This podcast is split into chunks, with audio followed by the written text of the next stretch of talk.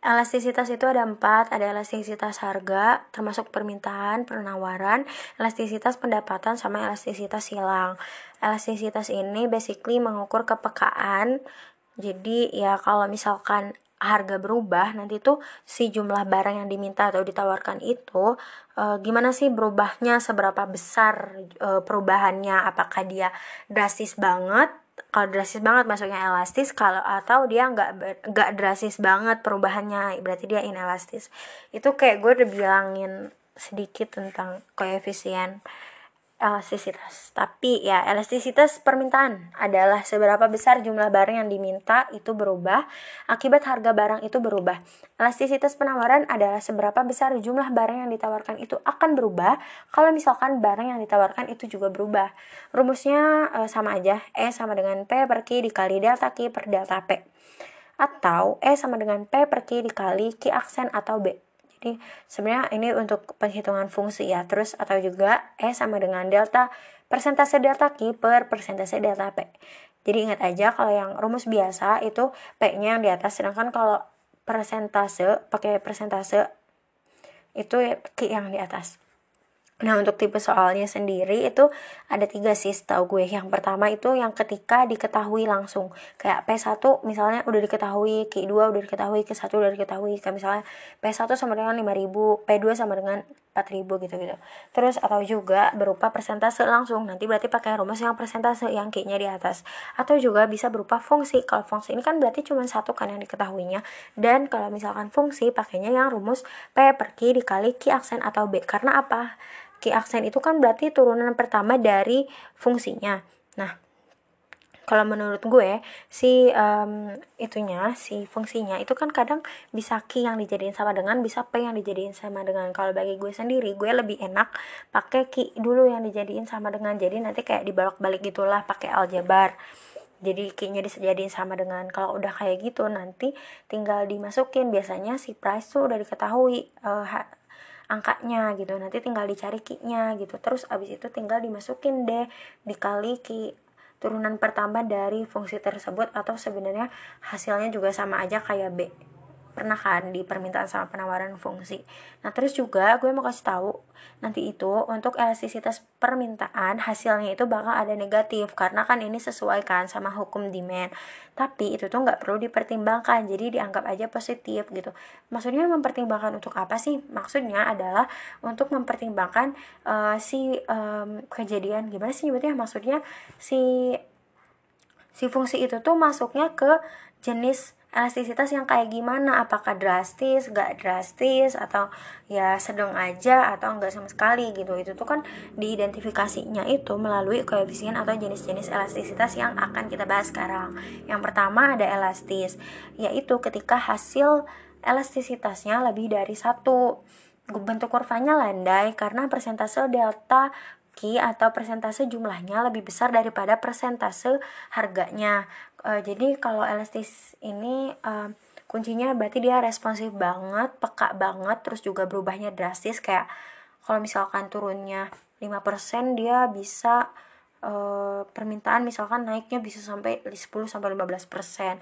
Terus kalau misalkan bagi uh, kacamata produsen berarti kalau misalkan turunnya 5% dia juga turunnya bisa uh, 10 sampai 15%. Ini kan kayak ya sesuai sama hukum permintaan penawaran ya dilihatnya gitu.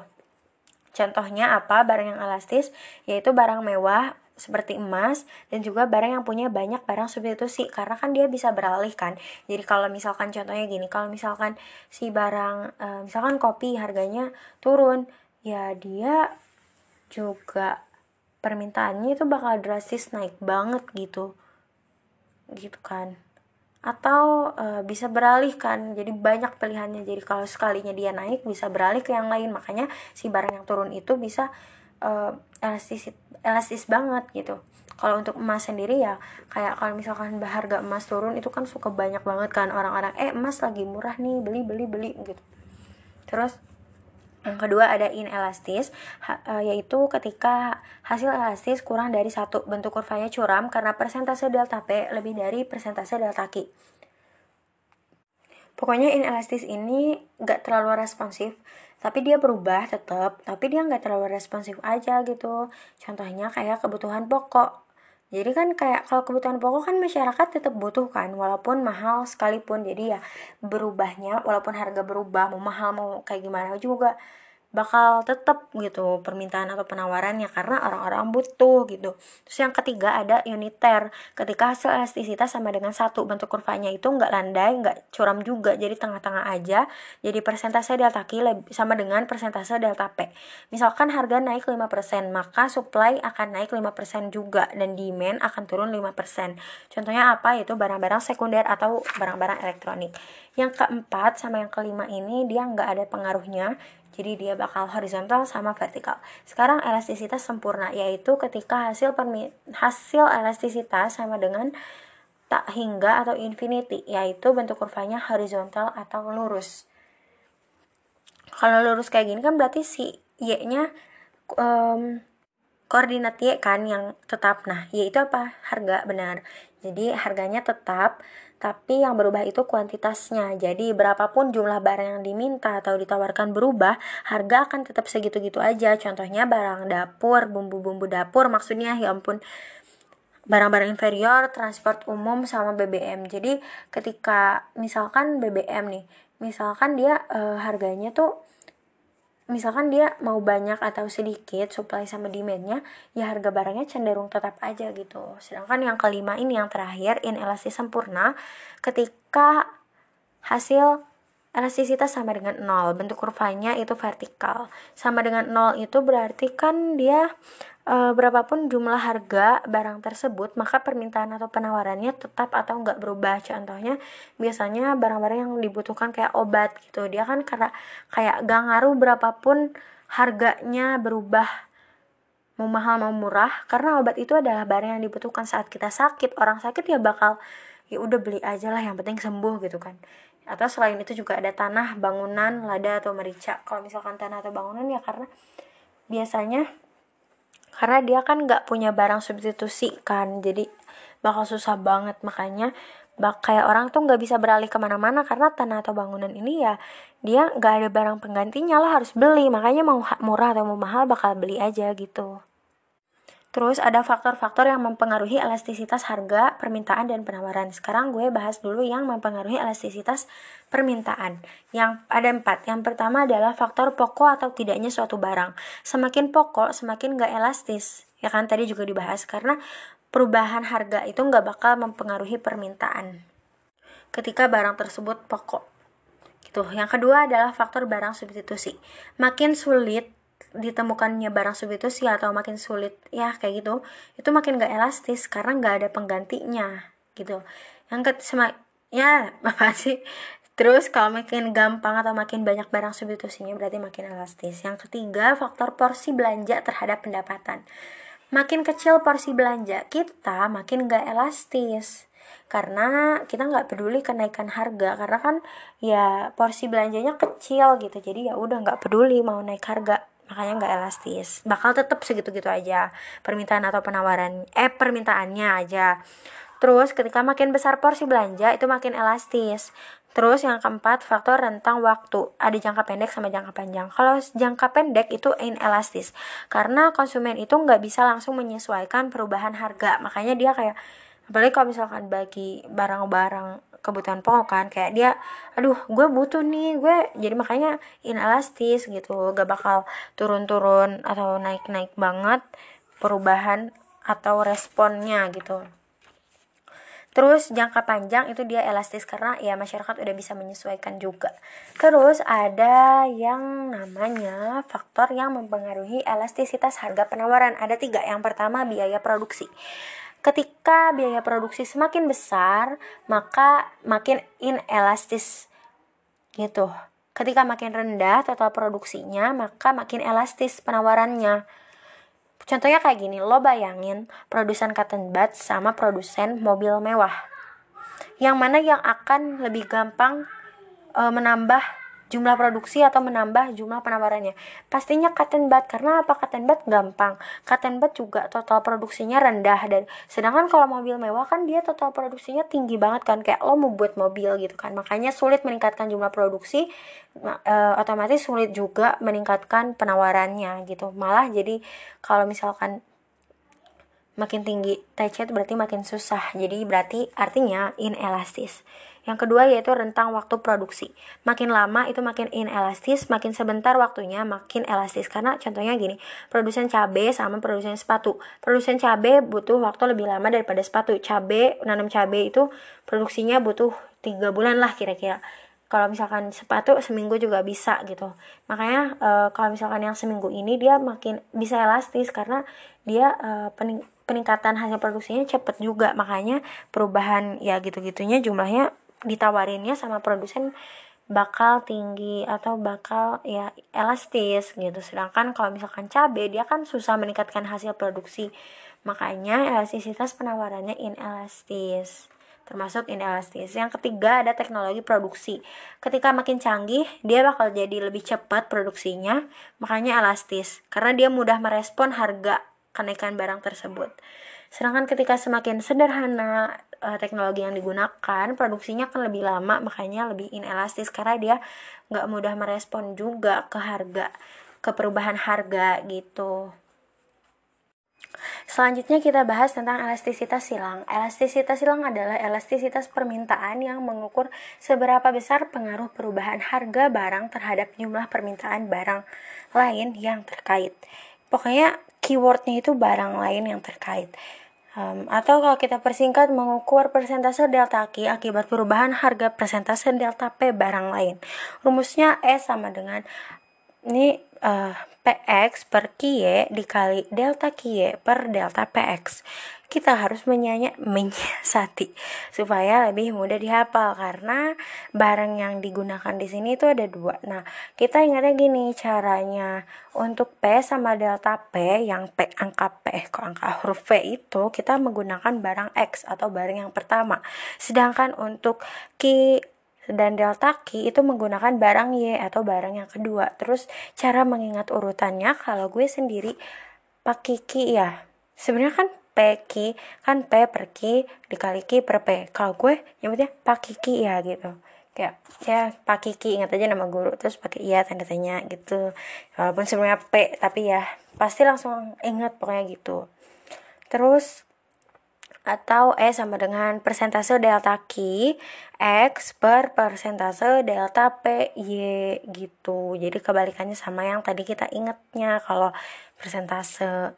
Terus um, kan uh, kita bahasnya dua kan di sini ada barang substitusi sama barang komplementer.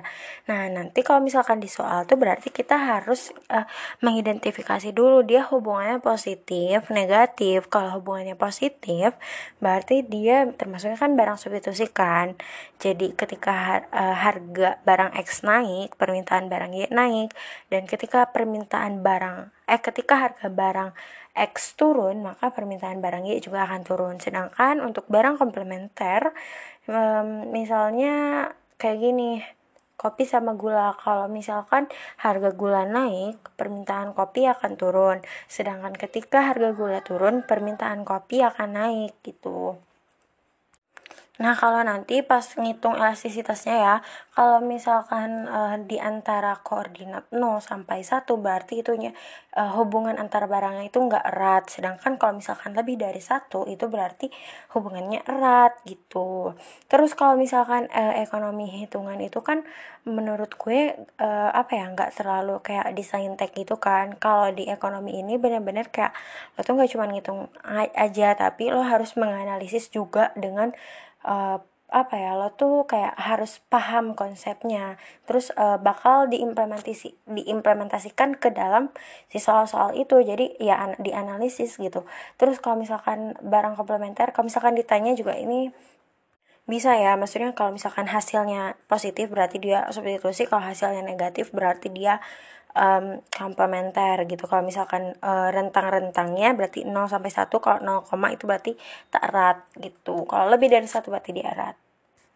Selanjutnya ada elastisitas pendapatan yaitu elastisitas permintaan untuk mengukur seberapa besar perubahan jumlah barang yang diminta akibat perubahan pendapatan ya pendapatan kita as a consumer gitu atau mau lebih singkatnya itu mengukur persentase delta Q D akibat persentase delta Y.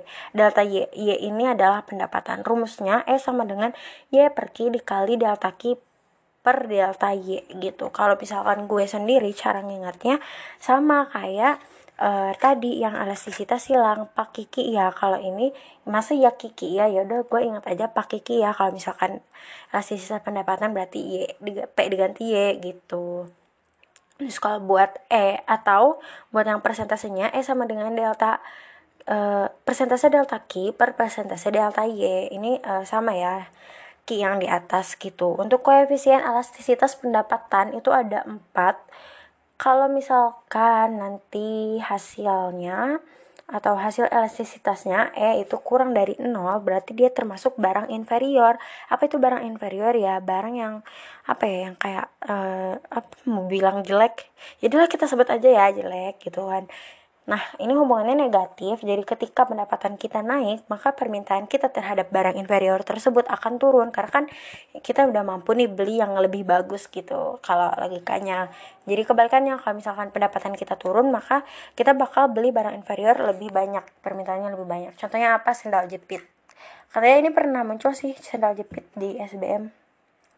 Terus ada Uh, tadi kan uh, E kurang dari 0 berarti itu kan koma-koma kan? Sedangkan ada yang uh, rentang uh, kalau misalkan uh, hasil elastisisnya ada hasil elastisitasnya adalah E sama dengan 0 sampai 1 dia termasuk normal goods atau barang normal hubungannya positif. Saat pendapatan kita naik maka permintaan terhadap barang tersebut akan naik juga. Dan ketika pendapatan kita turun permintaan terhadap terhadap barang tersebut turun. Tapi uh, porsi perubahan Y Porsi perubahan pendapatan lebih besar daripada porsi perubahan kuantitas atau permintaan. Contohnya kebutuhan pokok. Sedangkan ada yang namanya e, barang superior yaitu ketika hasil elastisitasnya lebih dari satu.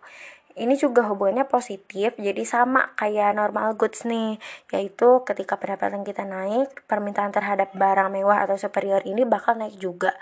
Nah, apa sih yang membedakannya antara normal sama superior yaitu di porsinya. Jadi kalau misalkan superior, porsi perubahan Q akan lebih besar daripada porsi perubahan pendapatan atau Y gitu.